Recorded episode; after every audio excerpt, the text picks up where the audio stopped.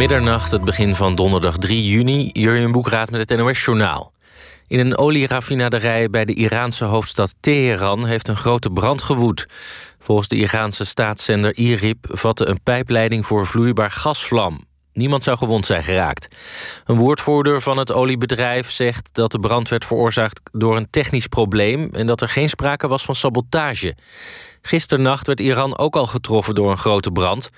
Toen zonk het grootste schip van de Iraanse marine in de Golf van Oman nadat er aan boord brand was uitgebroken. Het is nog niet duidelijk wat de oorzaak van die brand was. De Israëlische oppositieleider Yair Lapid is erin geslaagd een regeringscoalitie te vormen. Dat betekent dat Israël voor het eerst in twaalf jaar waarschijnlijk een regering krijgt zonder de huidige premier Benjamin Netanyahu. Lapid sloot vanavond na een marathonoverleg een akkoord met Naftali Bennett van het rechtse Yamina en andere kleinere partijen. Bennett en Lapid delen het premierschap, waarbij Bennett de eerste twee jaar voor zijn rekening neemt. De nieuwe coalitie krijgt ook steun van de conservatief-islamitische politicus Mansour Abbas. Het is voor het eerst dat een Arabische partij deel uitmaakt van een Israëlische coalitie. Het parlement, de Knesset, moet nog akkoord gaan. Voor de eerste keer in de historie zijn de Cubaanse honkballers er op de Olympische Spelen niet bij.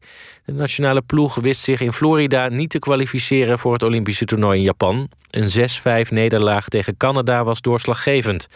Honkbal is de nationale sport van Cuba. Met drie Olympische titels en liefst 25 wereldtitels is het land ook veruit de succesvolste honkbalnatie ter wereld. Het weer. Het koelt vannacht langzaam af naar 13 tot 17 graden en hier en daar is een bui mogelijk. Morgenochtend wolkenvelden, maar ook geregeld zon. In de loop van de dag vooral in het oosten buien met kans op onweer, hagel en veel regen in korte tijd. Het wordt maximaal 26 graden. Dit was het NOS Journaal. NPO Radio 1. VPRO. Nooit meer slapen.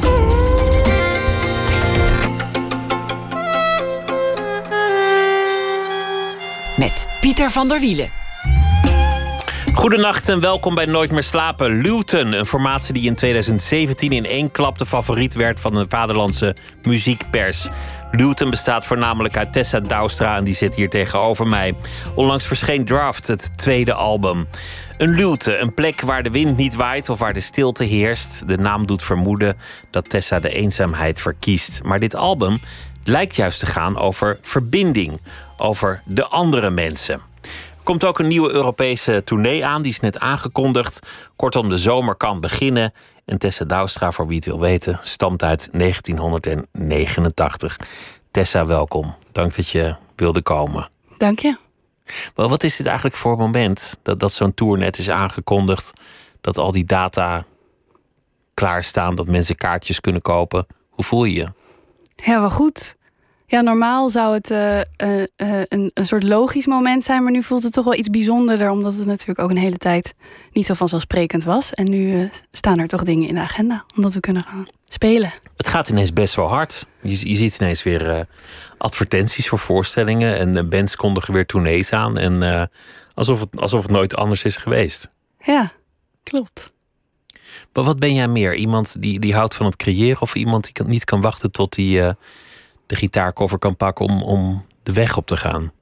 Ik denk dat ik ehm, het meest hou van het maken.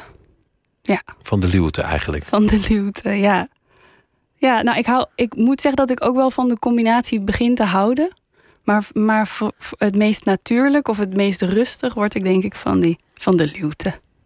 Hoe ziet hij eruit? Hoe, hoe werkt dat? Hoe maak jij? Um, nou, ik hou er heel erg van als ik een hele dag uh, niets anders hoef te doen dan iets te maken, als ik dat wil.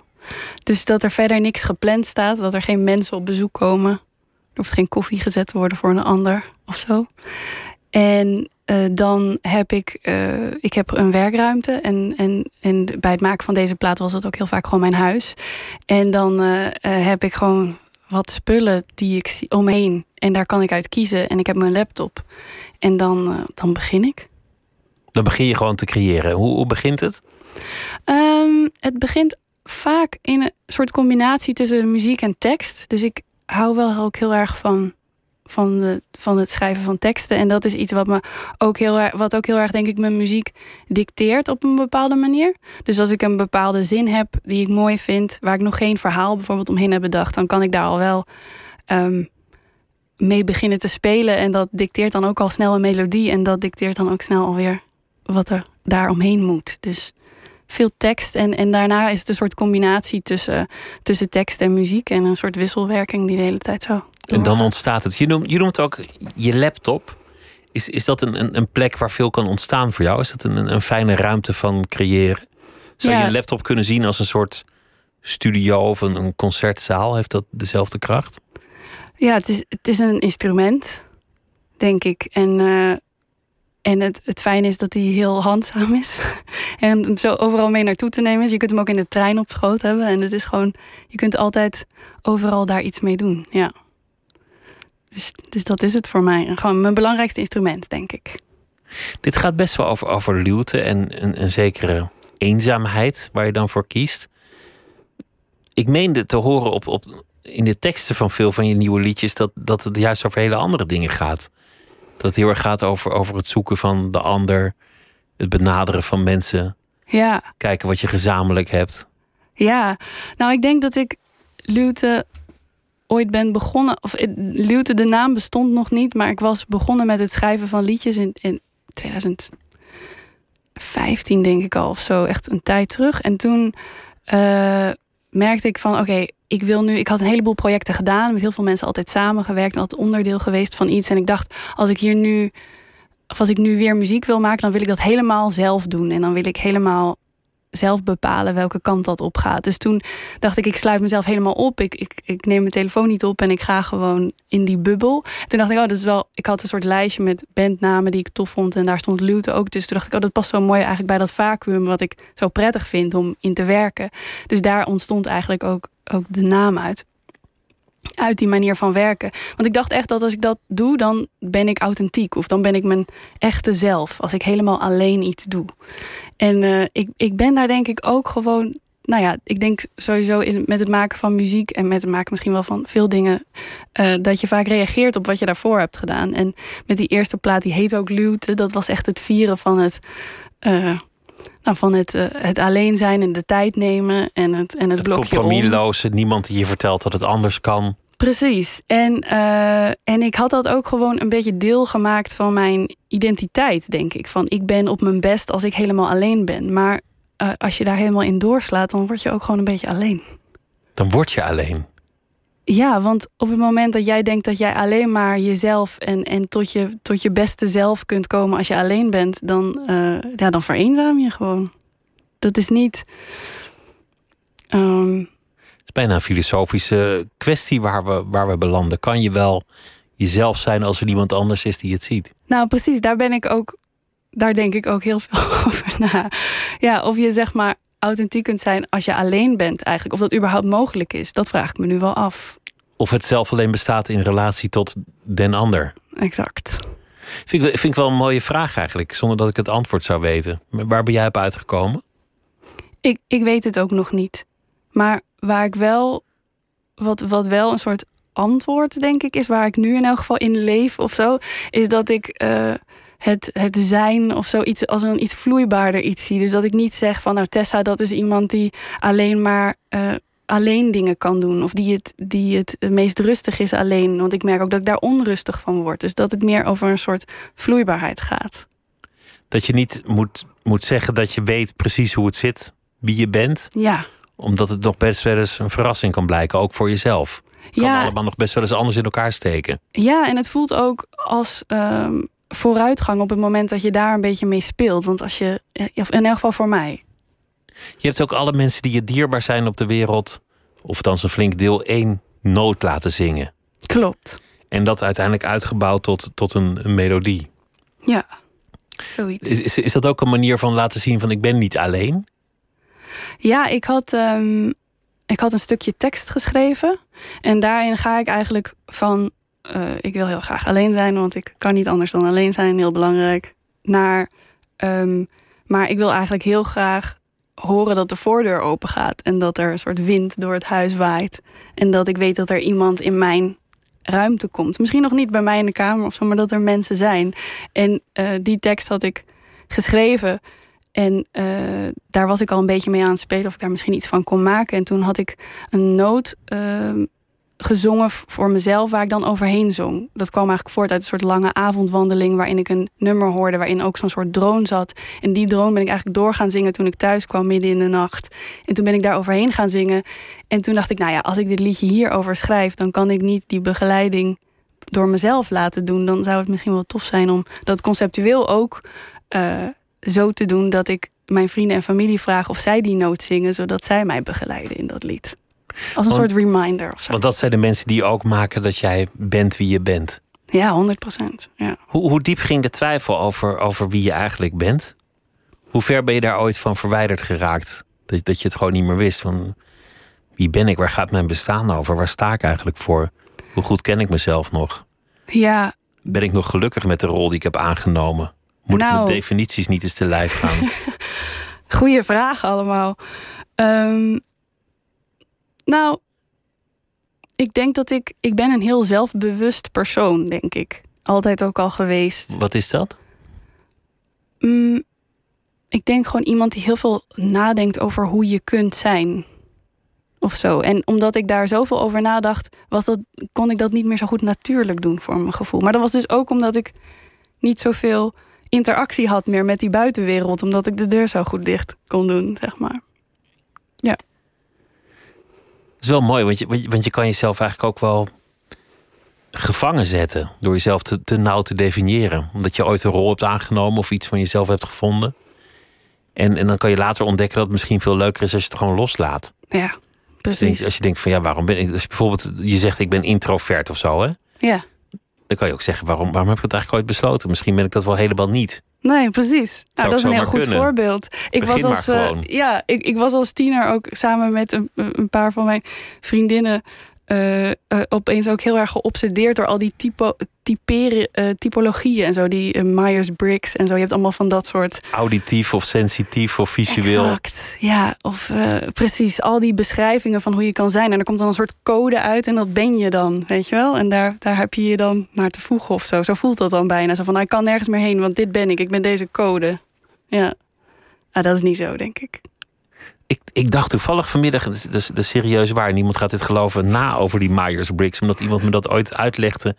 En, en, ik, en ik ging een stukje fietsen en toen dacht ik ineens, die hele Myers-Briggs is eigenlijk totale onzin. En dat schoot door mijn hoofd en nu, nu begin jij erover. Dus ik, ik begin ook een beetje te geloven dat, Het zou had moeten zijn. ja, dat, dat, dat er gewoon rare dingen hier aan de hand zijn. Wederom. Ja, is dat vaker? Nee, niet vaak, maar, maar dit, dit is wel toch toevallig. Ja, ik, ik, ik denk dat mensen gewoon een soort enorme hunkering hebben naar het begrijpen of het inkaderen of zo van dingen. Terwijl Het labelen. Ja, en eh, het zijn, om het maar even bij zijn naam te noemen, is natuurlijk een ontzettend abstract en groot begrip of zo. Jij bent een auditief persoon, jij bent extravert of jij bent typisch een weegschaal. Of je kunt ook zeggen van jij bent een kind van je generatie of, of je bent een echte randstedeling. Je kunt allemaal definities op iemand plakken. En iemand zou erin allemaal ook nog wel kunnen geloven. Maar eigenlijk doe je jezelf tekort, want je ontneemt jezelf mogelijkheden. En je hoopt op begrip, maar ik geloof daar niet zo in. Dat, Nee. dat, dat daar begrip uit voortkomt. Uit het, uit het, noem, uit het benoemen daarvan. Ja, uit het categoriseren. Nee, het is leuk voor aan de koffietafel, misschien. Een gezelschapsspel. Ja. Zullen we luisteren naar een van de, eh, de liedjes van, van de nieuwe collectie? En dit, eh, dit liedje heet eh, Draft. Ja.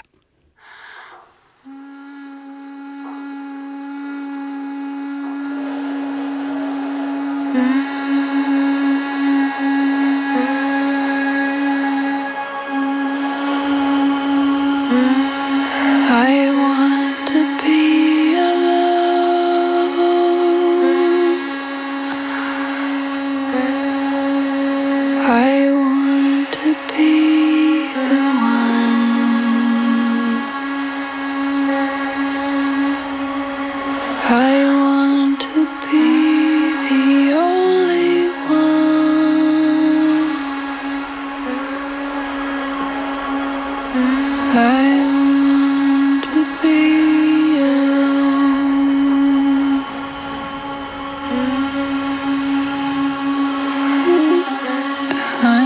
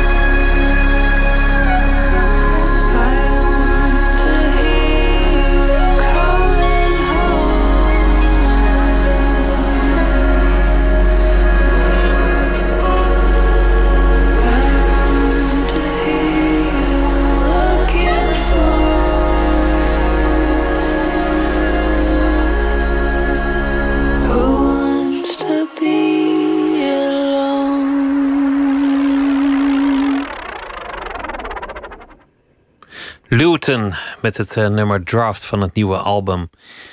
En dan hoorde ik aan het begin dus jouw, jouw dierbaren.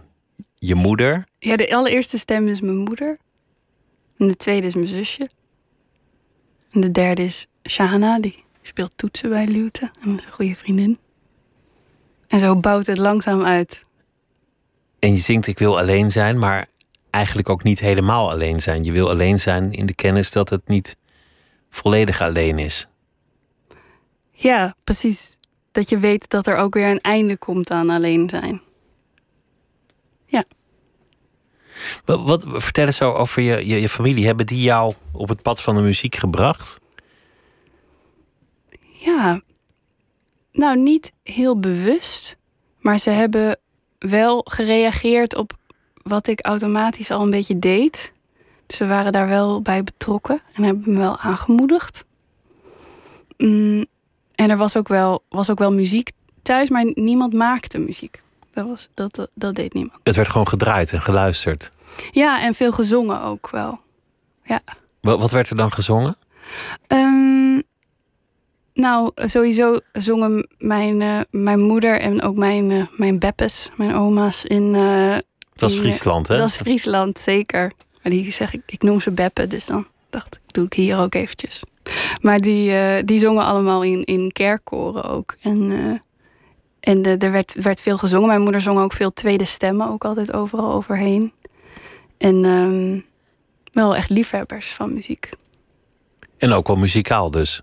Ja, dat denk ik wel. Ik denk dat er wel een paar goede zangeressen verloren zijn gegaan aan mijn moeder en, en Beppe.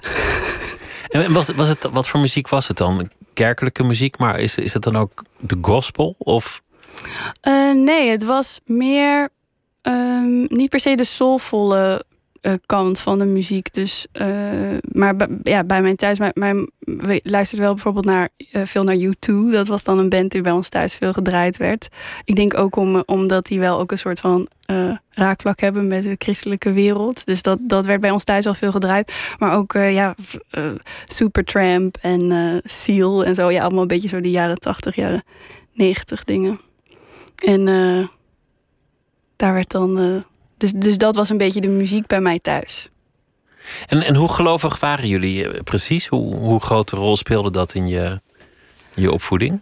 Um, nou, mijn, uh, mijn grootouders allemaal zijn, zijn allemaal uh, uh, opgegroeid in de, in de vrijgemaakte kerk, gereformeerd vrijgemaakte kerk. Dat is een bepaalde stroming. En uh, daarna zijn wij, uh, wij zijn ook naar die kerk gegaan, maar ook nog naar een andere soort kerk. Maar mijn hele opvoeding was wel, nou, was, stond het best wel centraal. Ik heb ook op een, op een basisschool, een middelbare school gezeten waar, waar dat centraal stond. Dus dat was tot mijn negentiende wel een, een groot thema. Of als, of, of zeg maar een. nou, je ging gewoon wekelijks dan naar de kerk. Dus je bent er, je bent er gewoon elke week wel even mee bezig. Ja. Tot je negentiende. Wat gebeurde er toen op je negentiende? Toen ging ik uit huis. En toen was het ook meteen afgelopen daarmee? Ja, ik heb denk ik nooit me heel erg... Ik heb me nooit heel erg um, helemaal deel gevoeld, denk ik, van die... Uh, ik altijd meer een beetje als een soort spectator uh, gekeken. Je was er wel, maar je was er ook niet.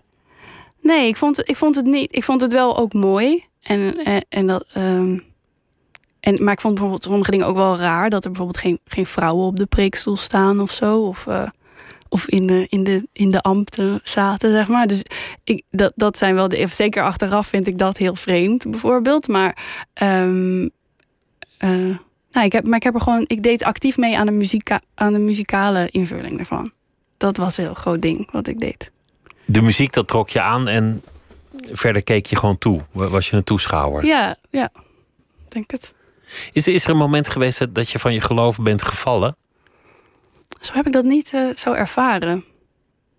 Ik voel me nog steeds een beetje het, dus hetzelfde daarover. Ik heb wel als kind, nou wel ook veel eh, gebeden en zo. Dat wel.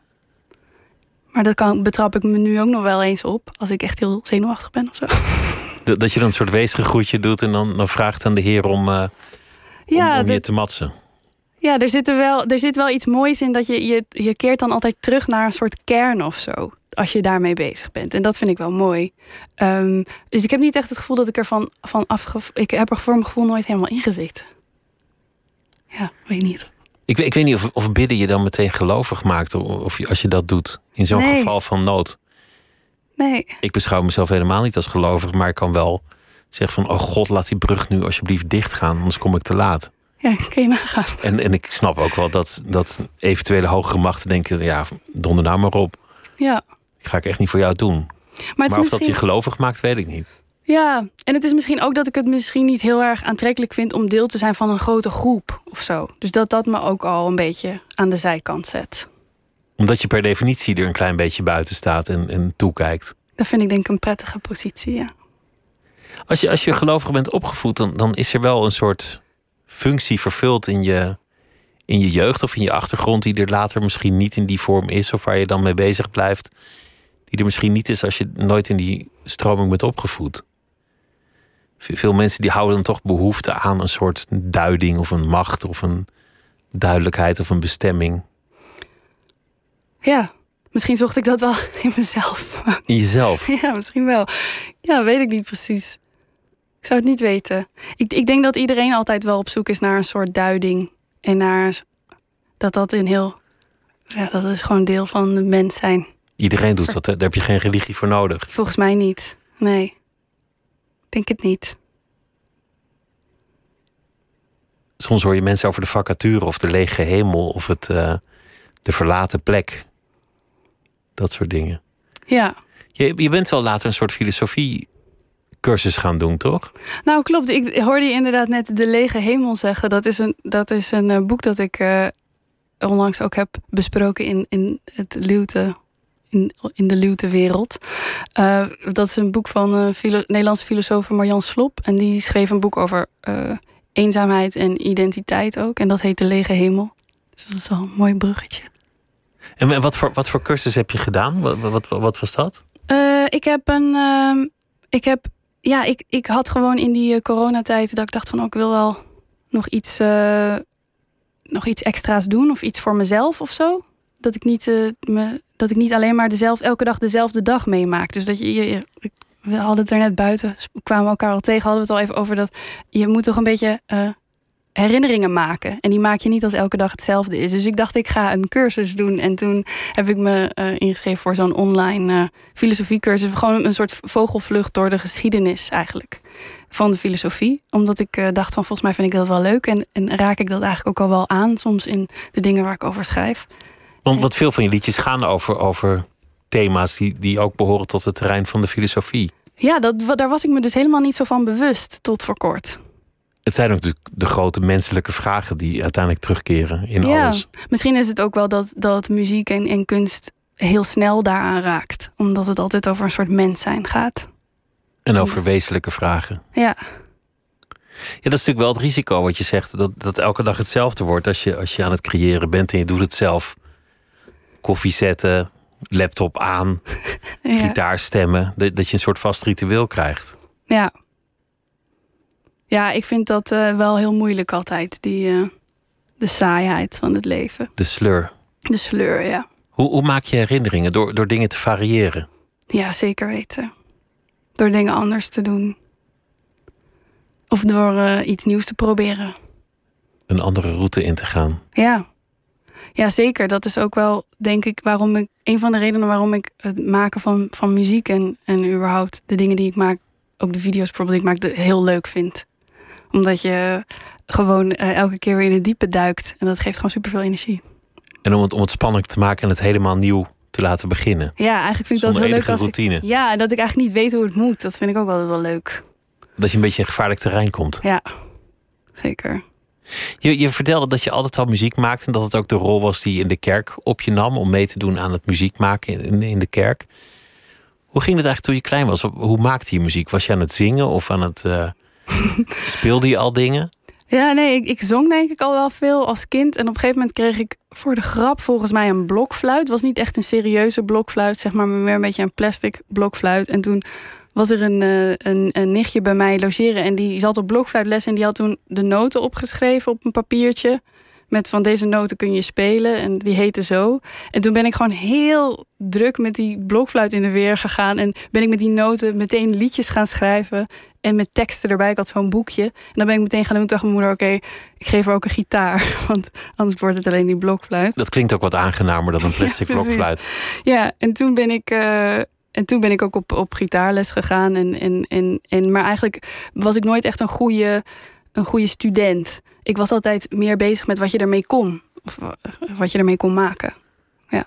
Dus echt de techniek interesseerde je niet, maar je had meteen een soort stip aan, aan de horizon van dit moet eruit komen, zo moet het worden. Ja, ik vond het heel leuk om uh, dat je dan zoiets had en dat je dan hoorde dat het iets werd. En dan was het op een gegeven moment iets. Ja, dat klinkt heel vaag, maar. Dat iets, is iets wat er daarvoor nog niet was. Ja, dat is gewoon echt heel uh, exciting, zeg maar. Maar dat klinkt eigenlijk alsof, alsof het in jouw leven al heel vroeg bepaald was welke kant het op zou gaan. Wat, wat jouw bestaan in je beroep zou worden. Ja, ja, dat, eh, ik was daar zelf nog niet, de heel, niet mijn hele jeugd zo zeker van hoor. Ik, ik, uh, ik was sowieso heel streberig. Dus ik deed voor alles heel erg mijn best. Ook voor alle andere vakken op school.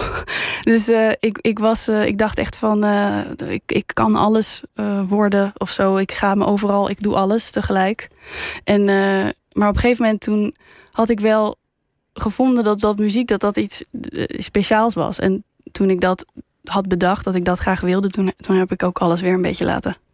Alle teugels een beetje laten vieren. De laatste paar jaar. Toen werd je minder streberig omdat je dacht, ik weet het eigenlijk al. Ja, ja. Ik weet al wat het, wat het gaat worden. Als, als ik naar je muziek luister, dan, dan zijn er heel veel invloeden die ik kan raden of vermoeden. Uh, Bon Iver heb je bijvoorbeeld wel eens genoemd. Dat, dat is wel verwante muziek. Ja. Maar, maar wat ik veel interessanter vind, is dat je ook heel veel muziek heel erg waardeert en heel erg graag luistert die wat verder van je eigen muziek afstaat. Zoals, zoals bijvoorbeeld best wel veel soul en, en RB. Ja. Dat, dat vind ik leuk. Hoe komt het eigenlijk dat je daar zo uh, in terecht bent gekomen? Um, ik vind het sowieso grappig. Want ik ervaar het als iets wat heel dicht bij mij is. Omdat ik uh, in mijn manier van zingen of zo dat heel erg uh, ervaar ook. Maar ik kan me ook voorstellen als, als luisteraar dat dat niet heeft geen directe overlap of zo, maar het voelt heel erg als deel van, uh, van wat ik mooi vind. Nou, ik kwam er denk ik achter op een gegeven moment dat mijn stem dat uh, heel fijn vond en dat ik dat fysiek heel fijn vond voelen. Dus ik, wat ik gaaf vind van uh, soulvolle muziek, om het maar even zo te noemen, is dat het je fysiek heel erg in beweging brengt en heel veel. Of, als ik muziek luister, dan is dat ook ook iets wat ik heel fijn vind als dat gebeurt. En ik heb ook echt als uitgangspunt voor, voor de plaat die ik nu heb gemaakt, dus voor Draft, heel erg bedacht van: oké, ik zou graag willen dat het me niet alleen um, in mijn hoofd of in, mijn, in, mijn, in een soort droomstaat brengt, maar dat het me ook echt fysiek in beweging kan brengen. Dat het lichamelijk wordt, ja. muziek. Ja, en dat vind ik heel mooi van. Uh, muziek, soul en, R&B muziek is dat het ook veel meer groove-driven is en, en echt ook heel erg op de fysieke ervaring gericht. En, en het valt me op in jouw muziek dat, dat de bas ook niet ondergewaardeerd wordt. Nee, zeker niet. Dat, dat, je, dat je lekker ook de, de lage tonen durft, durft aan te zetten, die vaak bij, bij veel singer-songwriters een beetje worden overgeslagen. Ja, nee, ik heb uh, voor, uh, nou ja, omdat ik dus op zoek wilde naar de het fysieke aspect van deze muziek ook een hele mooie samenwerking gehad met mijn bassist Ralf Pauw. En die ehm, eh, heb ik vaak een soort opzetje gestuurd van een baslijn en gezegd van het mag best wel een beetje die kant op gaan. En toen kreeg ik echt de meest fantastische partijen terug om weer in mijn laptop te stoppen. En, uh, en uh, dat is heel bepalend geweest voor de plaat. De ja. soulvolle bas. Ja. Waar, waar, het gaat om de, de ruimte tussen de noten, de noot die je niet speelt. Exact, ja. De, de, de lucht, daar, daar zit het hem. We gaan luisteren naar een van jouw uh, heldinnen, Erica Badu. En dit, dit, is, dit is echt uit het begin van haar carrière. En dat, dat nummer heet Next Lifetime. Should put me in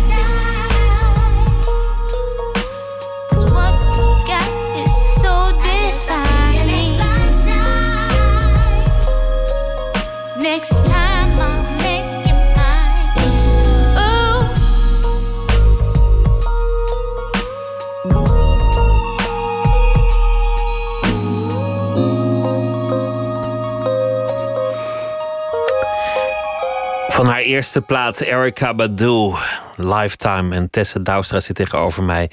De vrouw achter Luton. Ze gaat weer op tournee komende zomer. En dit is uh, muziek waar jij helemaal fan van bent, die, die van invloed op jou is. Wat je misschien niet meteen zou vermoeden, omdat je je eigen muziek er anders uitkomt of, of anders wordt. Maar toch heel verwant op heel veel manieren. Dat vind ik wel boeiend. Zij, is, zij is trouwens ook, ook een bijzondere vrouw, omdat ze heel charismatisch is als je er ziet optreden. Ik geloof dat ze nog steeds ook Engels literatuur doseert aan de universiteit. Dat is ook iets wat je niet, niet zou verwachten dat een muzikant dat er nog gewoon bij doet. Maar ze is uh, ook op dat vlak uh, tamelijk hoogdravend. Ja. Maar het gaat ook, ook heel erg over het charisma en het, en het neerzetten van een show als je optreedt. Ja. We, we begonnen met de vraag wat je eigenlijk liever doet: het creëren of het uh, op pad gaan. Ja. En je zit hier nu aan, aan de vooravond van een tour en bij de bekendmaking ervan. Hoe, hoe ben je daarin eigenlijk ontwikkeld? Op het podium staan en het neerzetten van, uh, van toch een show. Ja, nou, ik ben nog in ontwikkeling, denk ik. Um, maar ik vind het steeds leuker om dat, uh, om dat te maken. Ik, ik, ook, ik had denk ik ook eerder altijd het idee van... nou, dat spelen, dat doe je dan gewoon of zo. Daar had ik, maar dat is dus ook nog een hele tak van sport. Het creëren daarvan, ja. van het theater. En dat is eigenlijk, als je het ziet als iets wat je ook weer kunt maken... dan is dat, vind ik het dan ook wel weer leuk. Dan wordt dat de uitdaging. Ik ga een show creëren of een, of een theaterstuk creëren. Of een, ja, een, soort ervaring of zo. Want je gaat mensen toch uh, een uur uh, opsluiten. En dan moet je ze ook wel wat te beleven geven natuurlijk. En, um, en ik heb wel dat ik de muziek ook wel heel, zich heel goed vind lenen voor een soort andere wereld of zo. Dus ik zou het wel heel. Ik probeer daar nu wel naartoe te werken. Dat we ook um, als we dat spelen, gewoon uh, ook kunnen neerzetten als een soort andere, andere space eventjes. Hetzelfde geldt voor, voor je clips. Daar, daar zit ook heel erg die, die creatie in. Van, van je begint met helemaal niets en dan maken dat het spannend en uitdagend wordt en dat er iets ontstaat. Ja. Die visuele kant. Ja, zeker. Hoe vond je dat toen je net met Lulton op pad ging? Omdat het juist heel erg ging over alleen willen zijn. En toen ineens werd er toch weer een band omheen geformeerd en, en toch een bus uh, gehuurd of geleend of, of gekocht. En dan ging je toch weer alle zalen af in de festivals. Ja. Hoe vond je dat toen? Nou, ik vond het toen echt heel eng. Ik herinner me ook nog dat we op uh, Eurosonic speelden. In 2018 was dat, denk ik. En toen vlak daarvoor had ik tegen mijn management gezegd van... Uh, nou, ik, ik, wil niet zoveel spelen. Ik wil uh, misschien twee, drie shows of zo doen. En dan vind ik het ook wel weer mooi, mooi geweest. Dat ik, ik zag er echt tegenop. Ik dacht echt, het is iets wat ik heel spannend ga vinden. Maar toen, die show op Eurosonic was heel erg leuk. En toen, en dat was, ik had een soort idee dat uh, op een podium staan ook betekende dat je bijvoorbeeld heel interactief moest zijn. Of dat je um, heel wild moest zijn of zo. Terwijl um, dat, dat vind ik niet zo heel prettig om te doen. Maar toen vond ik opeens een vorm waarin je, je mag ook heel geconcentreerd zijn. Of gewoon heel erg bezig zijn met wat je aan het doen bent. En, uh, en nu ik, en, en ik hervind dat nu ook weer. Want ik merkte ook wel weer in de, in de weg hier naartoe dat ik dat diezelfde angsten me wel weer achtervolgden. Dat ik dat, dat zelfbewustzijn en dat als je maar in die kamer zit en je moet er opeens uit, dat dat dan iets spannends is. Maar ik, uh, ik voel nu wel weer een soort goede, gezonde spanning. Dat ik denk van, oh, ik vind het ook wel. Het is ook echt een uitdaging om in zo'n moment iets te creëren. Om daar samen te zijn met je publiek en, en daar dan. Iets, ja, en er niet uit te, te gaan, om erin te blijven. Ja. Want, want je stond toen op, op Lowlands en, en nog een aantal andere uh, grote belangrijke festivals. Ja. En ook, ook best wel in, in grote tenten, grote zalen. Ja. Je zou zeggen voor, voor de, de muziek, zeker dat album, misschien niet de meest geschikte plek. En toch werden het hoogtepunten voor je. Ja, zeker. Ja, we hebben ook wel de muziek langzaam vertaald naar het podium. Dus die, de muziek die ik maak is best wel als een soort. Uh, hoe zeg je dat? Als een soort borduurwerk bestaat het wel uit allerlei kleine elementen. En het, heeft heel, het is heel detailverliefd, zeg maar. Uh, dus er zit heel veel in wat je dan live misschien moet laten of, of kunt meenemen. Maar uh, dat is wel een hele nieuwe zoektocht ook weer. Want je hebt opeens ook iets als dynamiek wat heel belangrijk wordt. Wat op een plaat iets minder belangrijk ook is. Dus het is gewoon weer iets nieuws, iets nieuws maken. Detailverliefd is het mooiste woord dat ik vandaag gehoord heb. Nou, alsjeblieft. Detailverliefd zijn. Dat je, dat je een klein aspect omarmt en, en daarvan gaat houden. Ja. van iets kleins. Heb je eigenlijk voorbeelden als het gaat over, over die kant, het, het live optreden en het, het maken van, van die, die theatrale ervaring? Ja, zeker wel. Ehm, ik hou uh, heel erg ook bijvoorbeeld van Solange. En ik vind ook haar uh, live performance heel mooi. Dit het, is van de zus van, uh, van Beyoncé. De zus van Beyoncé, ja. Die, die eigenlijk altijd dat label draagt, zus van Beyoncé. Ja, voor mij echt helemaal niet. Beyoncé is de zus van Solange voor mij. ik, ik, vind die LP's van, van, van Solange echt fantastisch. Ja. Haar, haar albums. Ja, ik ook. En ook heel experimenteel. En wat ik heel gaaf vind ook in haar, in haar um, werk, is dat het um, ook iets heel um, georganiseerd heeft of zo. Op een soort hele vervreemdende manier. En dat vind ik heel vet waar zij mee speelt. Ik vind het ook wel heel belangrijk dat je als je, als je muziek maakt of zo, dat het niet per se is dat het gaat over. Oh, wat een leuke meid staat daar op het podium. Maar dat het, uh, dat het nou ja, dat het ook een beetje kan wringen. Dat het raar kan zijn of lelijk. Of het moet niet alleen maar mooi en gezellig zijn. Het mag ook pijn doen. Ja, of, of, of gevaarlijk zijn. Ja. Laten we luisteren naar, naar nog een ander nummer van het, uh, het nieuwe album Sleeveless. Ja. Don't call the police. I know it must be strange to be seeing me there. Sleep marks on your cheeks. Look for an unlocked door, cause there's something I need to talk about. Just hear me out,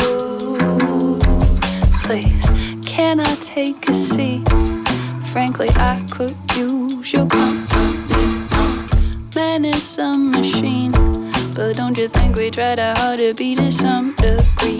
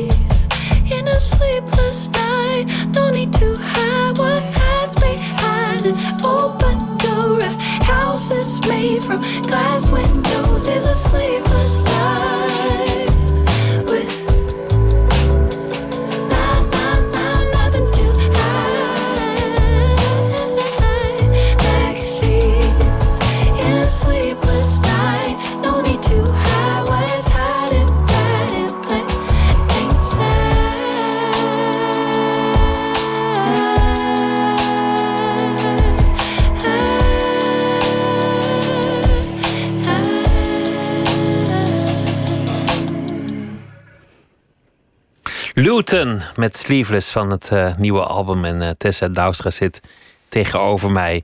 We begonnen met uh, het proces van het creëren, het alleen zijn. Jezelf terugtrekken. Dat was waar het project Luton over ging. Na een aantal bands waarin je had gezeten, wil je de autonomie opeisen. En dat lukte door het helemaal alleen te gaan doen.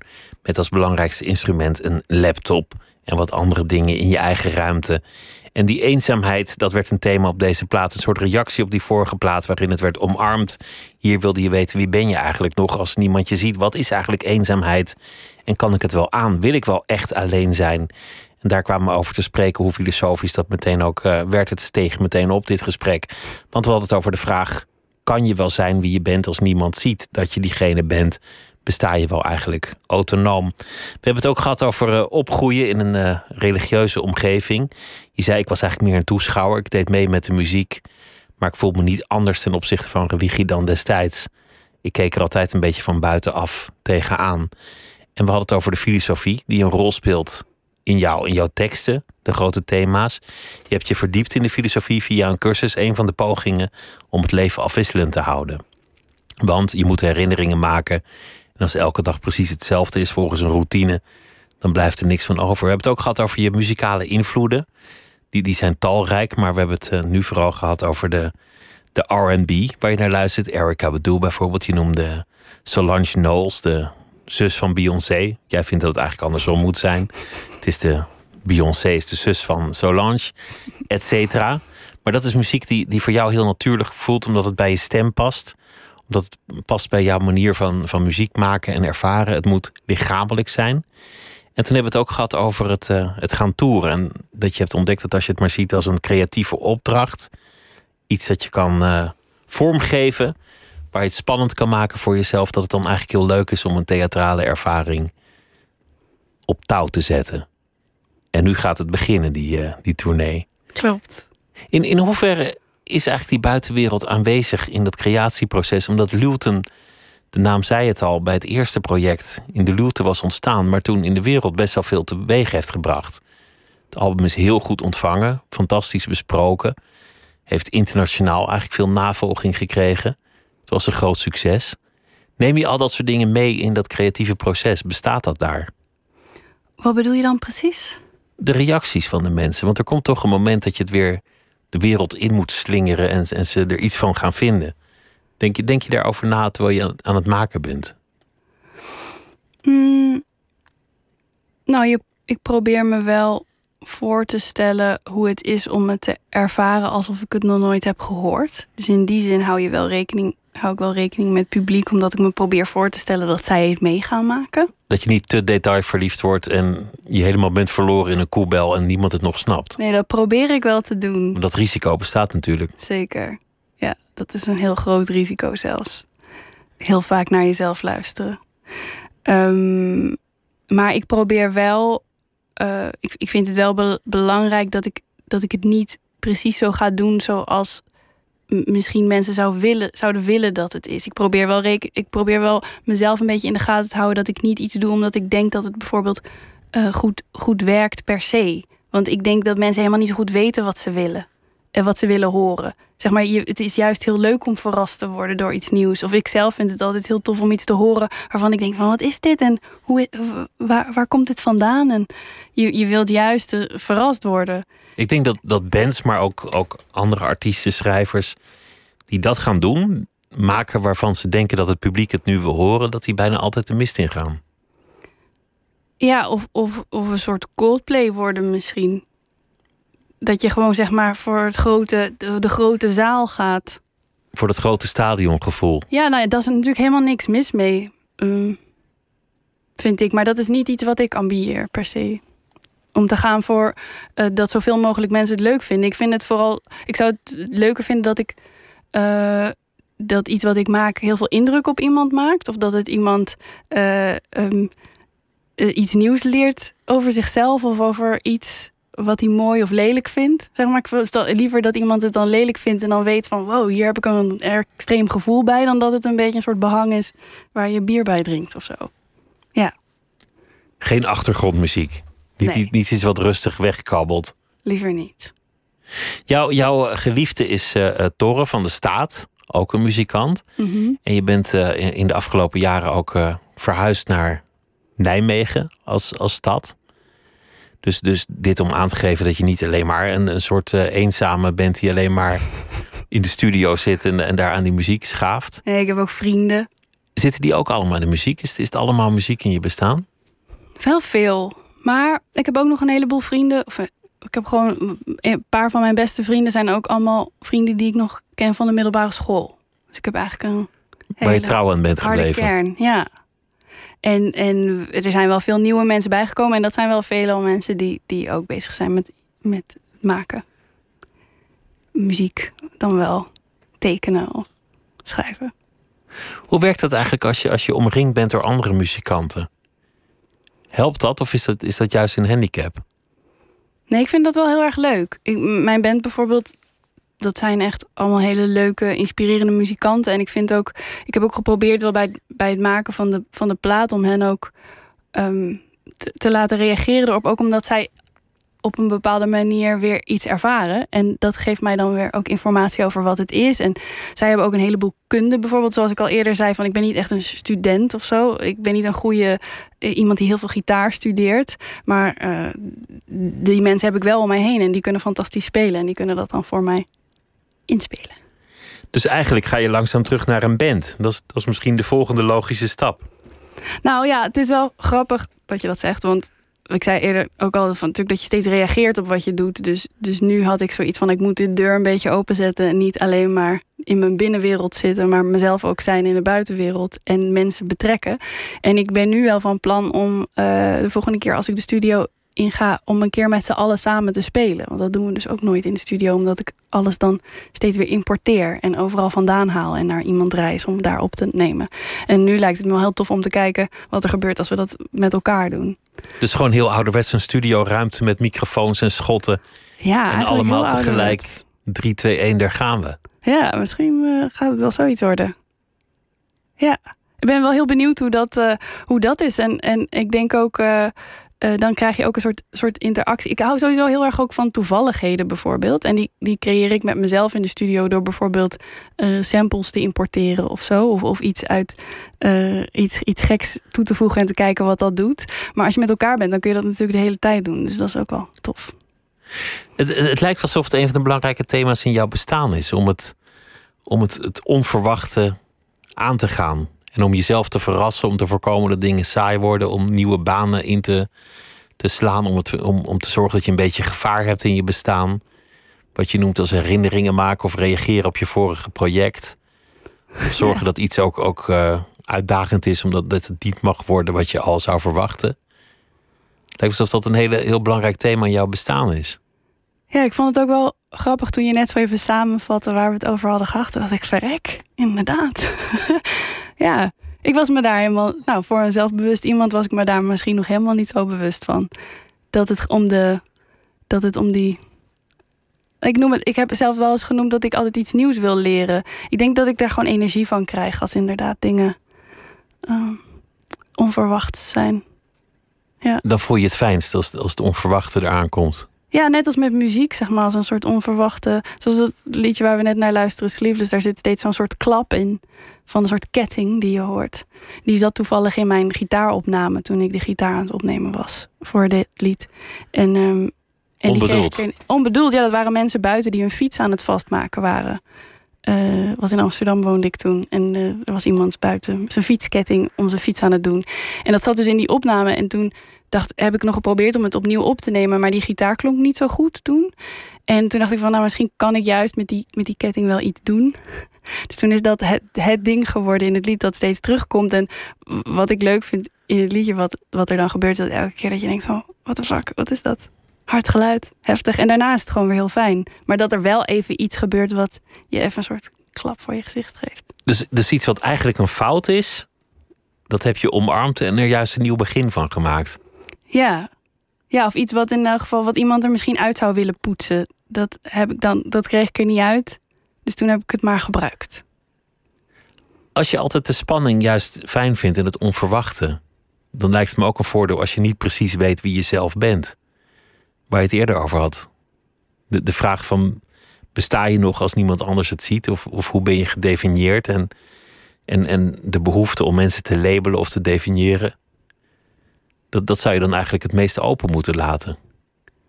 Ja, ik, ik, ik denk ook wel dat dat, mijn, dat dat iets is wat ik graag zou willen. Ik denk dat dit trouwens ook weer voortkomt uit wel juist het heel erg in controle willen zijn hoor. En ik ben natuurlijk ook nog steeds in controle op het moment dat ik die, die oneffenheden of, of onverwachte dingen gebruik. Dus ik, Het is niet helemaal chaos. Het is niet helemaal chaos, nee. Maar ik denk wel dat het. eh, het ik merk wel dat, nou, gewoon dat ik door het maken van deze plaat me daar ook wel weer bemoedigd in voel. Dat ik ook wel weer zin heb in de toekomst.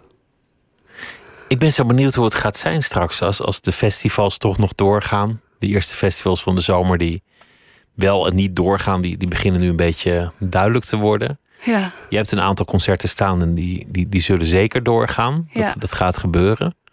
Heb je enig idee wat er gaat gebeuren als je straks weer in een zaal staat waar iedereen dicht op elkaar staat en er weer een, soort menigte is?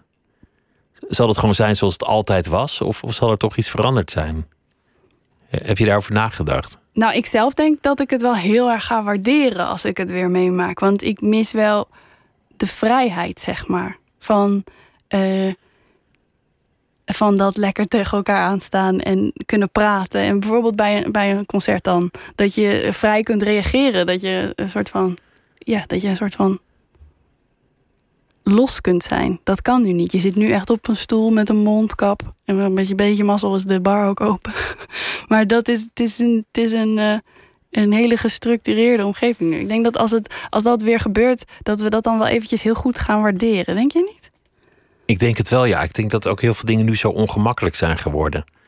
Met, met allemaal regeltjes en codes en, en dat soort dingen. Ja, Ik denk dat een beetje ongedwongenheid de mensheid wel weer goed zal doen. ja dat denk ik ook. Ik hoop dat dat gaat lukken. Ik hoop het ook.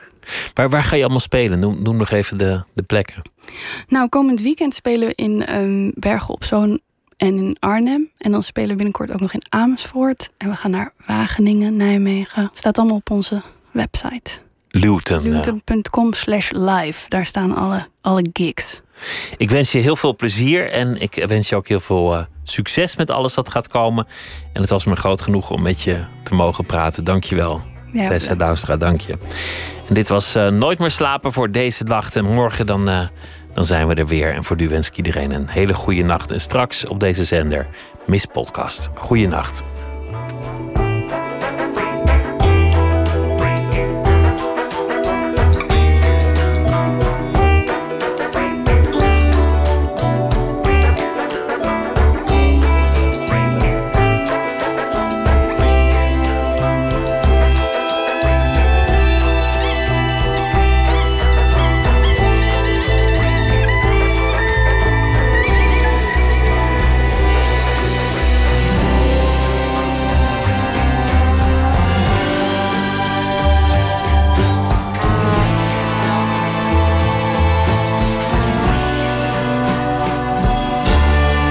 Radio 1.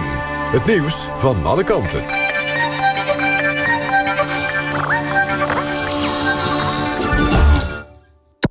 NPO Radio 1.